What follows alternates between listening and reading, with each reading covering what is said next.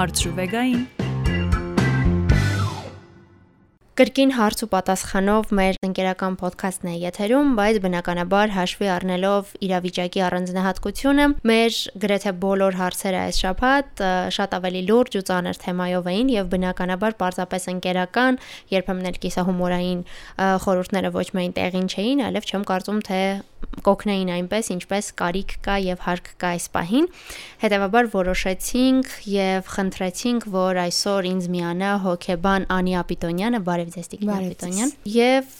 այս անգամ ձեր հարցերին, քանի որ կրկնում եմ դրանք հիմնականում բավական լուրջ եւ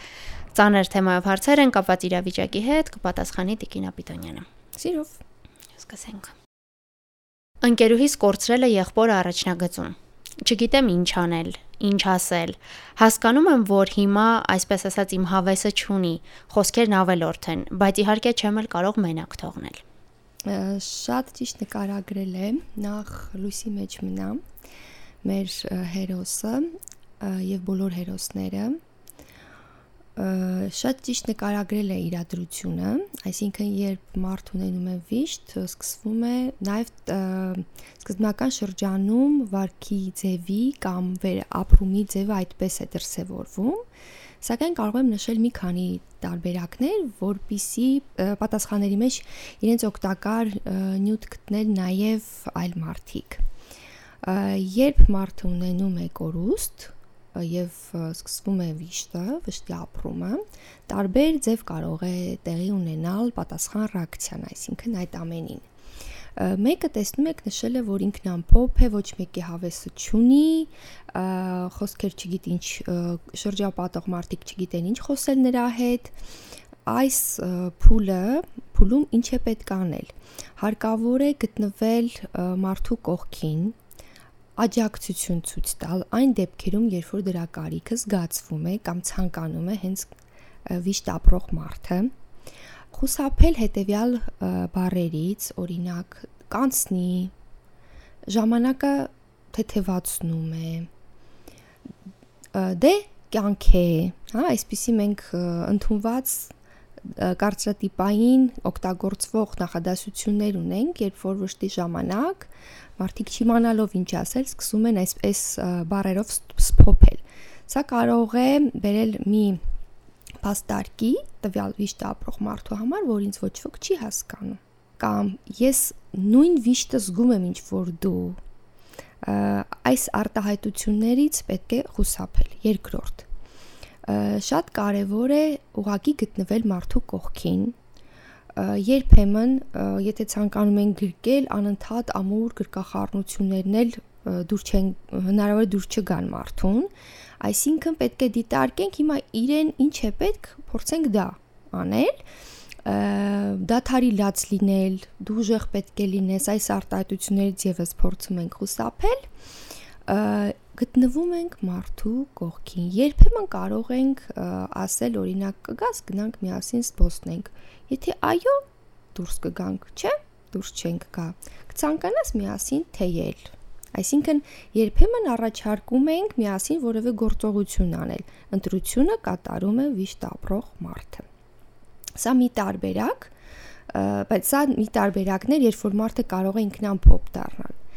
Մյուս տարբերակը կարող է լինել այն, որ մարդու մոտ դիմադրություն է արտնանում, այսինքն մերժում է իրականությունը մարդը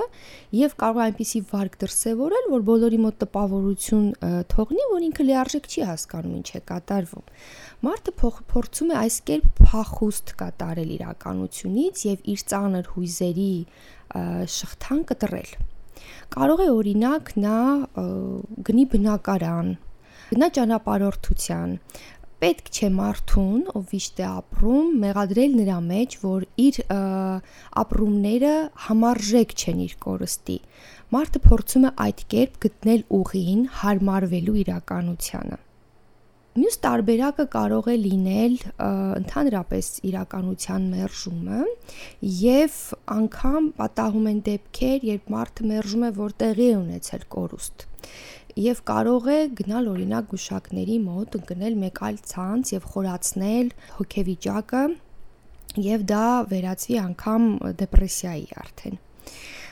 Ոստի ուզում եմ ասել, վշտի հաղթահարման կամ վշտի ապրման ձևերը կախված են մարդու առանձնահատկություններից, կախված են նրա մտքի ձևերից, վերլուծական կարողությունների ձևերից, անցյալի փորձից, ինչպես է նա արդեն սովորել հաղթահարել դժվարություններ, այսինքն ինքը բարդ համակարգ է եւ մեկ բառով հնարավոր չէ օգնել բոլորին, որովհետեւ յուրաքանչյուրը ունի իր ձևը հաղթահարման։ Շատ լավ, շատ շնորհակալ եմ։ Մեր հաջորդ հարցը սարսափելի վախեցած ու ընկճված եմ։ Օրինակ, երբ լսեցի, որ այնից տեղեկացնում են, թե որտեղ պետք է պատասպարվել, ամեն ինչ շատ ավելի մոտ ու իրական թվաց, քան պատկերացնում էի։ Ոչ մի դրական ելքի չեմ կարողանում հավատալ, առավոտից երեկո միայն վախ է, ինչ անել։ Ինձ մոտ տպավորություն ստեղծվեց, որ տեղեկատվության ավելցուկ ունի անձը, այսինքն ոչ միայն լսել է թե ինչ պետք է անել նման դեպքերում եւ արդեն պլանավորել օրինակ փողոցում գտնվեմ ինչ կարող եմ անել, կարճ կոնկրետ էսպես ծրագրավորում իրականացնել սեփական ուղեղում, այլ կարծում եմ համադրել է մի շարք ինֆորմացիաներ, ուստի ունի արդեն տագնապի բարձր տագնապայնություն։ Առաջինը հիշենք, որ մենք պաշտպանված ենք, երբ որ ունենք գիտելիքներ Այսինքն անգամ դպրոցում եղած ժամանակ երկրաշարժին ինչպես մեզ պահենք, թեկուս պատերազմական իրավիճակներում ինչպես պահենք, դա մենք սովորում ենք տարհանումների եւ այլն եւ այլ գործողությունների արդյունքում։ Այսինքն մենք սովորում ենք վարկածևեր, որոնք մեզ օգնում են հարկ եղած դեպքում, երբ որ իրական կլինի վտանգը, ոչ թե հիմա որ ենթադրող ենթադրվող իրադրություն է դեռևս, կարողանանք ճիշտ վարկածև դրսևորել։ Դրա համար առաջին քչացնում ենք ինֆորմացիայի ներհոսքը դեպի սեփական հոգեկան աշխարհ, այսինքն դադարում ենք հետևել յուրաքանչյուր լուրին, որովհետև երբ որ պետք լինի իրականացնել կոնկրետ գործողություն, մենք դրա մասին անպայման տեղյակ կլինենք եւ երկրորդ հրա հասկանալ ինչ ինֆորմացիա տրվեց եւ ինչպես կարող ենք պաշտպանվել Եվ երրորդ շատ կարևոր է, քանի դեռ հստակ ոչ ոք չունի ծրագիր ինչպես գործել, այսինքն դեռևս չունենք ռազմական դրություն եւ այլն, զբաղվել առօրյա գործերով, մասնակցել կամավորական աշխատանքներին, որպեսզի օգտակար լինենք, այս ամենը հնարավորություն է տալիս տակնապը իջեցնել, քանի որ մենք հասկանում ենք, որ մենք էլ կարող ենք որոշակի ազդել իրադրության վրա, այսինքն միայն մենք ներգործության օբյեկտ չենք, այլ մեր ակտիվությամբ, մեր ճիշտ կողմնորոշվելով, մեր ծրագրավորումով մեզ կարող ենք ազդել իրադրության վրա եւ ունենանք դրական ելքեր։ Ինձ ահա որ անպետք եմ զգում այս պահին։ Ոչ ֆինանսապես եմ կարողանում օգնել, ոչ կամավորության համար ժամանակ է թողնում աշխատանքս, ոչ էլ կարողանում եմ կռվել։ Ինչ անեմ այս զգացման դեմ ինչպես պայքարեմ։ Շատ հետաքրքիր հարցեր եւ մոտիվացնող հարցեր, այսինքն մարդը ելքեր է փնտրում օգտակար լինել։ Միգուցե աշխատանքի վայրում փորձի 1 կամ 2 օր որոշակի ժամանակահատվածով վերցնել ժամ եւ գնա կամավորական աշխատանքի մասնակցել։ Կարծում եմ ցանկացած աշխատավայրում, եթե դա շատ օրինակ ռազմականացված չի, այդպես ասեմ, թույլ կտան որոշակի ժամանականակով մարդը կամավորական աշխատանքի գնալ կամ դրան մասնակցել շաբաթ կամ կիրակի օրերին, եթե ազատ ժամանակ ունի որոշակի մարդիկ գումարով են մասնակցում, որոշակի մարդիկ կամավորական կամ բոլորը միասին եւ կարելի է նաեւ անպետքության այդ զգացողությունը իջացնելու համար մասնակցել նաեւ տարբեր կազմակերպություններ կան, որ զին պատրաստվածության դասեր են անցկացնում անվճար եւ դա նույնպես բերում է նրան, որ դու կարող ես պաշտպանել ոչ միայն քեզ, այլ նաեւ կողակցիդ կամ ով այդ ժամանակ կհայտնվի հարկ եղած դեպքում քո միջավայրում ցանկության դեպքում կարող ենք գտնել ելքեր, այսինքն ես հարցի մեջ տեսա հուսահատություն, բայց վստահեցնում եմ, որ կարող ենք դիմել օրինակ տնորինությանը եւ գտնել ելք որոշակի գործողություններ կատարելու եւ